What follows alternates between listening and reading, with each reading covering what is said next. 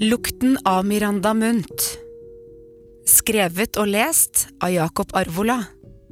Musikk Sten Erland Hermundstad.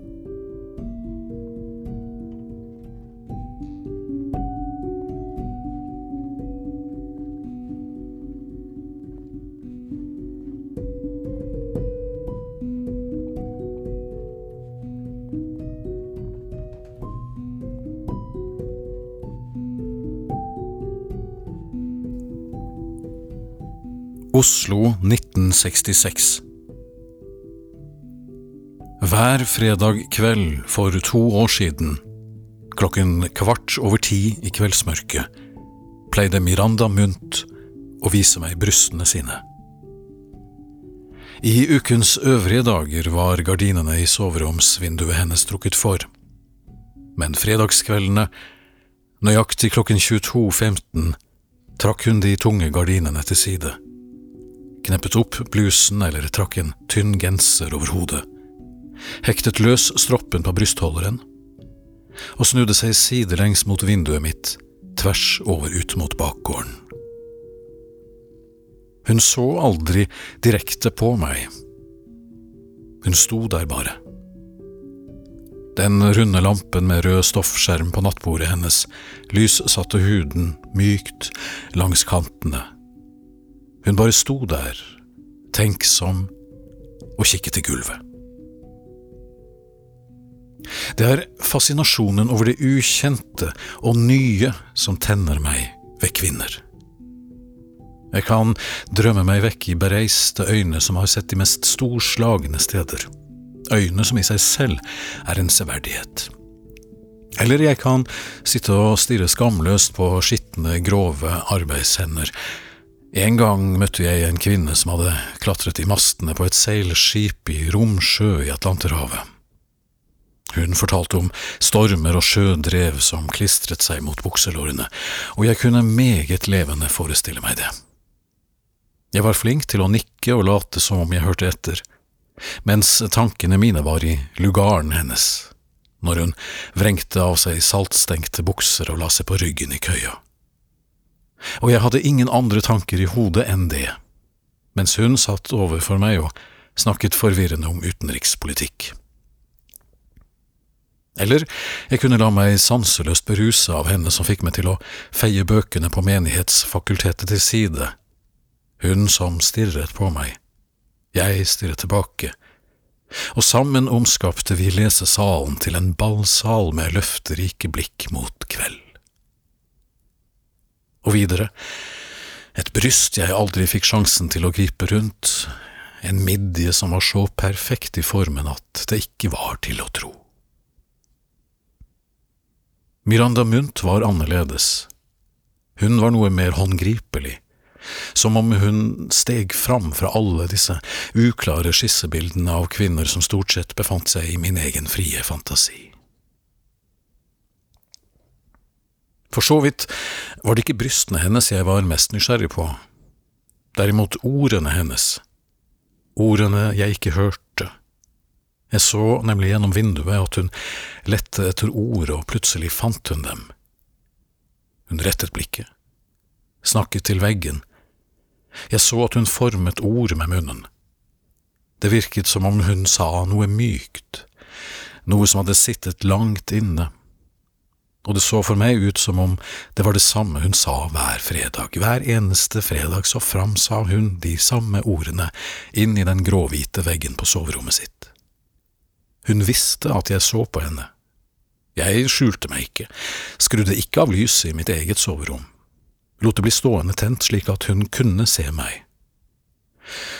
Og jeg undret meg over hvilke ord hun valgte klokken 22.15 hver fredag med nakne bryster.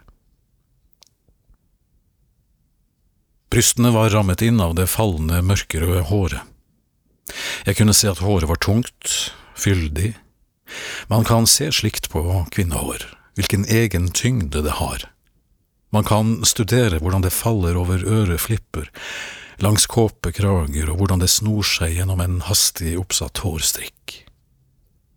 Man får denne vidunderlige egenvekten av hår bekreftet og veid om man deretter blir betrodd å sno fingertupper gjennom dette håret, og hvis man skulle trekke lykkeloddet, og bli gitt tillatelse til å løsne en hårstrikk eller åpne en hårspenne, slik at håret faller over skulderblader, kanskje fuktig etter sommermorgenens svale skyld av regn, eller kanskje tørt og nesten vektløst dalende med sprikende strå lik hestetagl hårstrå som lukter en vag blanding av koriander og brekk-sjampo. Alt dette kan man forestille seg ved å bruke øynene og forestillingsevnen. Det hører med til allmenn dannelsen å kunne forestille seg egenvekten av hår. Dette er noe enhver mann med vett, forstand og sanser i behold skal kunne. Og dette er noe enhver kvinne av en viss modenhetsgrad, vil jeg si, og karakterstyrke skal vite. Dette visste Miranda Munt. Slike mennesker skal finne hverandre. Og slik kunne jeg stå i vinduet hver fredag, nøyaktig klokken 22.15, og studere brystene hennes, men altså like mye håret på og ordene fra Miranda Munt. Hun var vel 30, jeg 25. Noen uker etter at fredagsritualet vårt hadde festet seg, så møttes vi ved en ren tilfeldighet på konditoriet noen kvartaler unna. Det var august. Studentene fra fjerntliggende daler hadde trukket inn til byen og sank ned i konditoriets dype lenestoler ved femtentiden. De var støyende, på min egen alder, og mange av dem hadde lært seg nye ord og vendinger, andre var utilpass med byens puls og ville hjem igjen til odel og ødegårder. Jeg hørte brokker av samtaler om det mens jeg sto i køen ved disken. Tiden var salig og knapp. Teologistudenter som forførte jusstudenter i frenetisk tempo, som om det ikke fantes en morgendag. Og studenter i statsvitenskap med begrenset økonomisk bæreevne. Journaliststudenter, kunststudenter med dystre drømmer. Men arbeidsfolk også, en og annen deltidsarbeidende kvinne fra vaskeriet nedenfor med svetteringer under armene fra formiddagsskiftet. En og annen montør som bestilte rundstykker og svart kaffe før neste montøroppdrag utpå ettermiddagen. Konditoriet var støyende og fullt av luktblandinger og samtalesurr. Og der sto jeg i køen. Det var da det hadde blitt min tur, jeg hadde pekt på skolebollene, at jeg hørte stemmen hennes mot øret, mitt venstre meget tett bakfra, og pusten hennes inn i øregangen min. Du, skoleboller er for smågutter. Jeg snudde meg ikke, men gjenkjente stemmen hennes slik jeg hadde forestilt meg den der ved vinduet.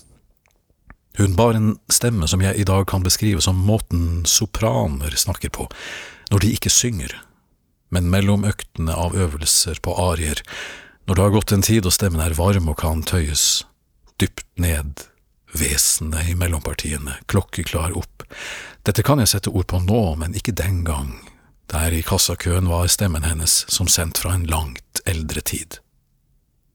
Hei, jeg heter Miranda Munt, og du ser på meg, sa hun.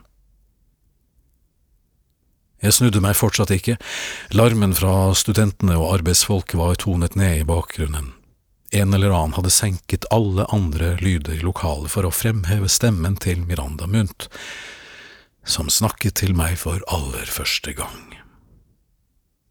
Og jeg har forresten bord ved den aller nederste bokhyllen, fortsatte hun. Jeg var ikke bare svært skrekkslagen, jeg kjente meg også opprømt og utvalgt.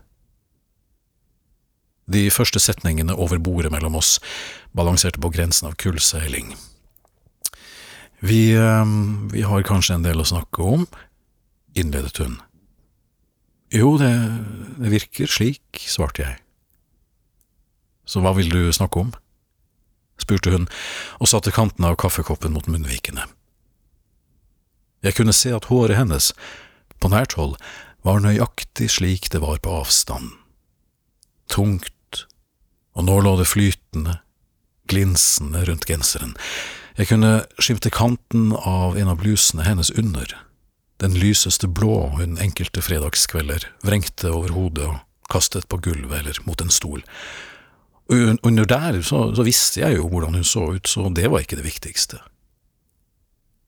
Jeg, eh, jeg vet ikke helt, svarte jeg. Og det var og er blant de mest tåpelige tingene man kan finne på å si når man endelig får kvinner som Miranda Munt i tale. Jeg sa mye idiotisk den gang som nå. Kvinner som Miranda Munt forlanger at man har en retning på det hele. Hun satte kaffekoppen på skålen, la armene i kors og lente seg tilbake. Ventet. Og den ventetiden falt lang, det kan jeg virkelig love. Jeg rødmet midtveis i ventingen, men hun var tålmodig og absolutt ikke uvennlig stemt. Påpekte verken ventetiden eller rødmingen, hadde sett en del, det antar jeg i dag. Og jeg sa til sist, jeg lurer på hva du sier der inne på soverommet om fredagskveldene. Miranda Munt tømte kaffekoppen i to korte slurker reiste seg og sa at vi kunne ses en annen dag, og at jeg sikkert visste både tidspunkt og sted, og deretter var hun ute av døren. Den påfølgende fredagen var hun nok en gang tilbake i vinduet på samme tid. Ordene nok en gang de, de samme ned i gulvet, og jeg kunne se at hun hadde grått. Hun var rød og hoven under øyelokkene, ikke fuktig, men det var risset inntørkede leir av strigråt over ansiktet. De neste ukene og månedene møttes vi i samme kø på konditoriet. Det festet seg etter hvert en avtale mellom oss. Samtalene ble lengre, de grep i hverandre, og der nede rundt bordet ved den aller nederste bokhyllen så fant vi på ting å si, vi stengte ute støyende studenter og svette slitere og på et vis så, så var det oss to. Jeg fortalte henne om tiden på fakultetet. Hun hørte meg fortelle om gudstvilen som etter en tid drev meg inn i søvnløshet. Jeg fortalte henne om hvor stadig mer falsk og gjennomskinnelig jeg følte meg at jeg ble, og, om angsten som slo til hver eneste natt, den skamfulle angsten for at jeg for lengst skulle ha blitt gjennomskuet, angsten for at alt jeg hadde tilbake var nettopp den skamfulle angsten. Og nå, ja, nå drev jeg fra strøjobb til strøjobb, ukene var delt mellom arbeid på gartneriet på Sagene og lossingen av lastebiler i Vika. Og jeg hørte henne fortelle om en kveld ved Fagerborg for 19 år siden, hun vandret på grusveien der oppe på Fagerborg med et eple i kåpelommen da hun ble betrodd en hemmelighet, som den første i verden, sa hun. Men hun fortalte meg ikke hva denne hemmeligheten var, bare at den var den aller viktigste av dem alle, og munterheten hennes ble brukket opp i biter av noe mørkt og dystert mens hun fortalte. Det var noe ved historien hun ikke fullførte, noe som ikke hadde gått over. Jeg ville muntre henne opp og bød til diskusjon om et emne som jeg mente at jeg kunne. Jeg sa tror du på en gud? Og jeg håpet at hun skulle svare nei, for det ville ha passet meg utmerket. Ja, det gjør jeg, svarte Miranda Munt, men det er en hake ved det hele. Jeg tror det finnes en gud, men jeg tror ikke at det finnes noe liv etter døden, og jeg tror at det er en mening med det. Tja, hvilken mening skulle det være? Det høres usymmetrisk ut, repliserte jeg og pustet lettet ut, jeg slapp å svare for mine tidligere valg. Hun fortsatte, Jeg tror Gud har nøyd seg med å skape dette livet, og deretter har han forlatt oss. Han har funnet det overordentlig kjedelig å følge oss og trukket seg tilbake. Det blir ikke noe mer etter dette, fastslo Miranda Munt og viftet vekk en girlander som hang slapt rundt en lampett. Dette var konditoriets måte å pynte til jul på, det så helt forrykt ut. Svimmel kan man bli av å tenke på detaljer ved livet. Nå, sa hun, nå når du hører meg snakke, for eksempel, det som skjer inni deg, når lyden av meg treffer ørene dine, er et komplisert samspill. Først er det lydbølger som ringer i luft. Bølgene treffer øregangene dine mot det som kalles det transverse gyrus. Men det i seg selv er ikke nok, det tar flere brøkdels sekunder før du forstår hva ordene mine betyr. Lyden av meg transporteres videre inn i deg gjennom bæretråder av nøye uttenkt teknologi. Du får ikke kjøpt det, ikke engang amerikanerne har slikt i butikk. Hvor lang tid tror du det tar å tenke ut slikt, og, å skru det hele sammen til vel, velfungerende teknikk, for ikke å snakke om hva som skjer i deg når du ser på brystene mine? Det er spor av en, en gud som har forlatt oss for alltid, det kan du tenke litt på. Desember i fjor ble til januar i år. Vinduet hennes hadde vært mørkt hele julen. Hun hadde ikke sagt noe om hvor hun hadde dratt, det var for så vidt heller ikke min sak. Men jeg savnet henne. Og så var hun brått tilbake. Hun sto der igjen på den tredje fredagen i det nye året, noe blekere enn før, kunne jeg se. Og alltid avsluttet hun med å fremsi setningene jeg ikke kunne høre. Munnen bevegde seg, jeg greide fortsatt ikke å tyde ordene, før hun slukket lyset og forsvant inn i søvnen. Det begynte å gå rykter om Miranda Munt og meg, og jeg forsto at det kom fra et bestemt hold, og ganske riktig, noen dager senere så ble jeg bedt ut på kaffe av min gamle bekjente jusstudenten, han ville høre nytt.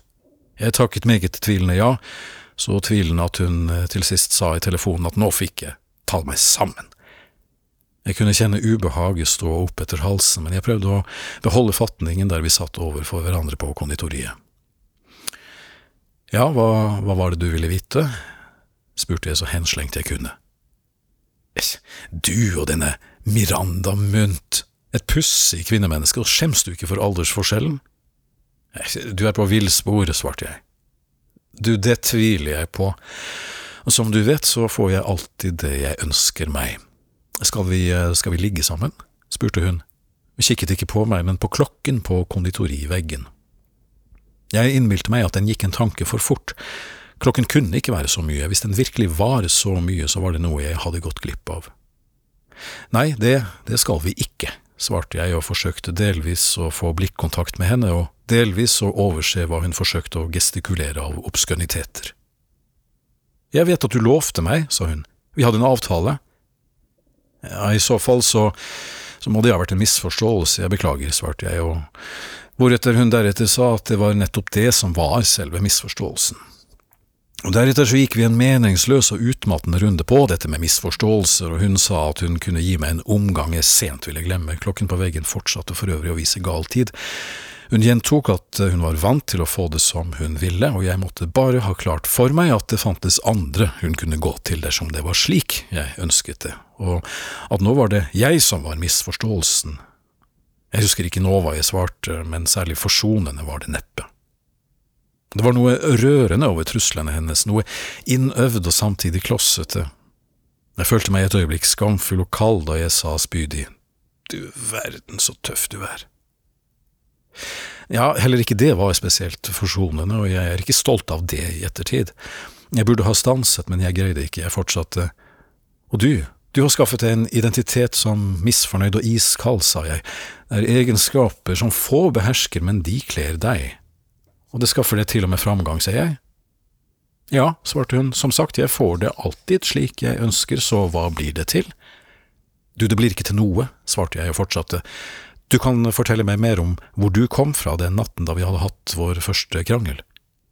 Nei, nok er nok, historie er historie, svarte hun, hektet på seg den svarte kåpen, jeg finner meg aldri mer i det, aldri mer skal noen fortelle meg hva jeg skal gjøre, og hva jeg skal fortelle, aldri helvete mer om noen skal. Men jeg skal bli advokat, og jeg håper inderlig at vi en gang ses i retten, da skal jeg vise deg hva du gikk glipp av, jeg kommer faen ikke til å være nådig med deg. Så snudde hun ryggen til meg og gikk. Klokken på veggen gikk for fort, jeg visste det nå. Jusstudenten og jeg så hverandre aldri mer etter dette. Men hun ble en helt alminnelig advokat med påtatt engasjement for klienter og en svært tøyelig moral. Dette fikk jeg vite noen år etterpå. En felles bekjent av oss fortalte at hun hadde blitt rasende over dette siste møtet mellom oss som hun omtalte ikke bare som en avvisning, men også som et svik, et avtalebrudd, og hun var fortsatt rasende. Hun hadde fortalt ham dette da hun lå i armene hans i en leilighet på Kampen, etter en erstatningssak hun hadde vunnet for ham. Han, han er en troløs, avhoppet jævel fra teologistudiene. Han dro det lenger enn de fleste av oss.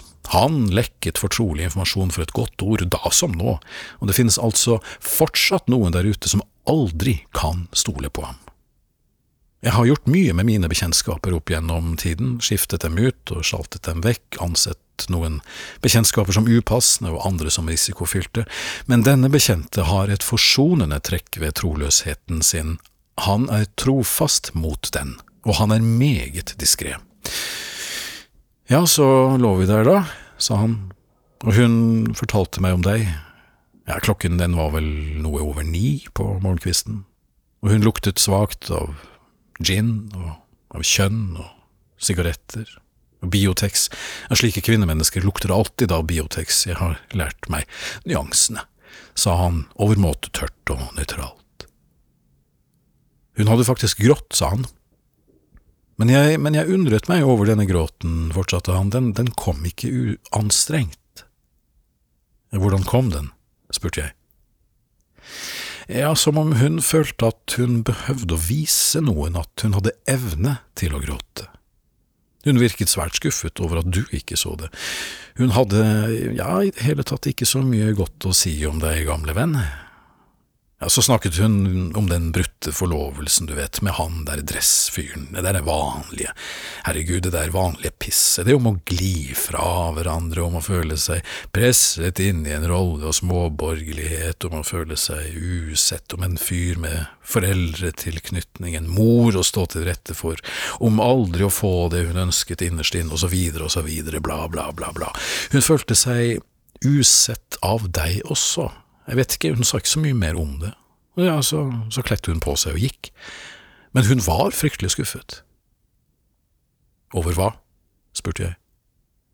Over deg, Samuel. Hun mente at du hadde skyld i at hun ble slik hun ble.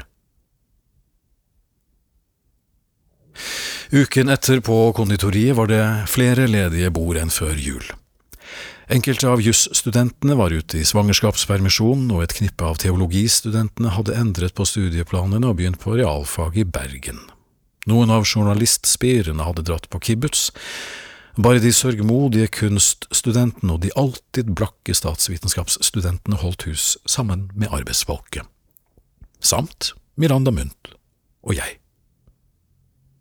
Miranda Munt spiste eplekake, langsomt, og sa helt uten forvarsel.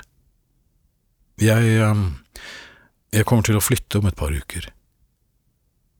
Nei, nei, det, det må du ikke, sa jeg. Det finnes fortsatt saker og ting som jeg sier helt uten å tenke meg om, og dette var blant det aller første jeg noen gang i mitt liv sa ufiltrert og uoverveid uten tanke på konsekvenser. Det var like mye et utrop som et utsagn.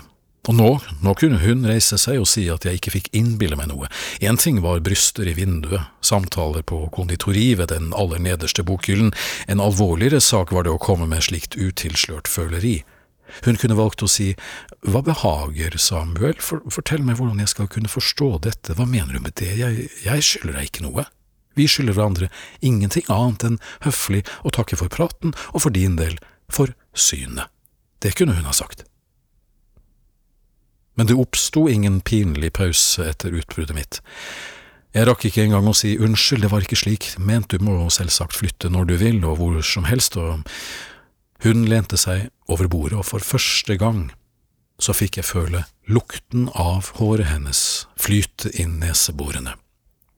Og den var akkurat slik jeg hadde forestilt meg den, fyldig, søtlig av Breck-sjampo, blandet med en syrlig anelse av grunnlukten som enhver kvinne, iallfall dem jeg har møtt, omgir seg med. Det som utgjør selve substansen av kvinne.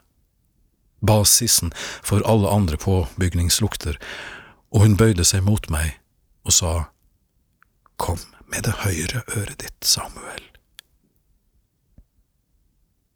Jeg så ikke munnen hennes men da de aller første ordene hennes traff mitt transverse gyrus der inne i øregangen, så gjenkjente jeg ordene som jeg så mange ganger hadde sett henne si i vinduet. Ordene passerte trommehinnen, ble ledet inn mot sneglehuset, forsvant opp og gikk rett i hodet på meg.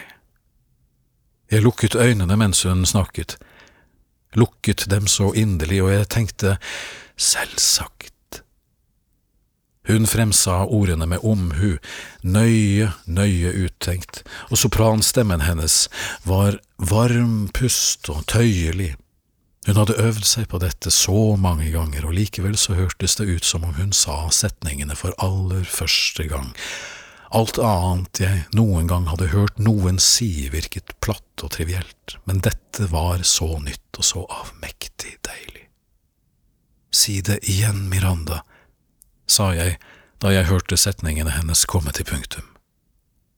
Og hun sa det om igjen og om igjen, hviskende og dypere, og jeg kjente at dypt inne i hodet, et sted midt mellom pannebrasken og bakhodet, der svevde det en ildkule som brant, og jeg begynte å gråte både fordi det sved og fordi det var så vidunderlig godt. Så ba hun meg følge henne hjem, for aller første gang. Det føles så lenge siden nå, det lange håret hennes var i veien, jeg hjalp henne med å trekke det til side for hver gang hun bøyde hodet framover, og jeg følte meg så takknemlig. Hver gang vi hjalp hverandre, så møttes fingertuppene våre, fingertupper og hårstrå i en uregelmessighet, vevet av varme. Jeg hadde lengtet så inderlig etter disse hårstråene tatt dem inn i tankene gjennom våte høstkvelder mens nytelsen drev gjennom meg som tette tåkebanker, før jeg sovnet og drømte henne som min. Vi er, vi er som skapt for hverandre, sa hun. Det var knapt så hun fikk fram ordene, for munnen hennes la seg rundt min, slapp den og satte seg mot den igjen, og hun smilte hele tiden mens hun gjorde det, og mens hun sa det igjen og igjen. Leppene smakte søtt. Det kan ha vært pomaden, det kan ha vært noe annet. Og hele tiden så dro det solstreif over meg, som foran og bak en blafrende gardin, foran og bak. Ned langs den mørke stripen av kjønnshårene hennes var det gjennomtrukket vått, og hun frøs, hun lo, hun sa det om igjen og om igjen, og ingenting betød noe mer enn at vi var som skapt for hverandre. Ikke skapt for hverandre, men supplert med ordet som. Og det holdt for meg. Noen uker senere var leiligheten hennes tømt. En dag jeg kom hjem fra jobb, var soveromsvinduet hennes bare et gapende hull i murveggen. Gardinene var borte. Lampen med rød stoffskjerm var fjernet. Tilbake sto de tomme, gråhvite veggene. Det var som om ingenting noensinne hadde hendt der inne. Som om ingen levende kvinne noen gang hadde stått der fredagskveldene klokken kvart over ti og kledt av seg. Det var ingen ord der heller. Henimot april flyttet det inn et par i leiligheten, og jeg fikk nå og da et syn av brystene hennes også men det var ikke det samme, og det samme kunne det være.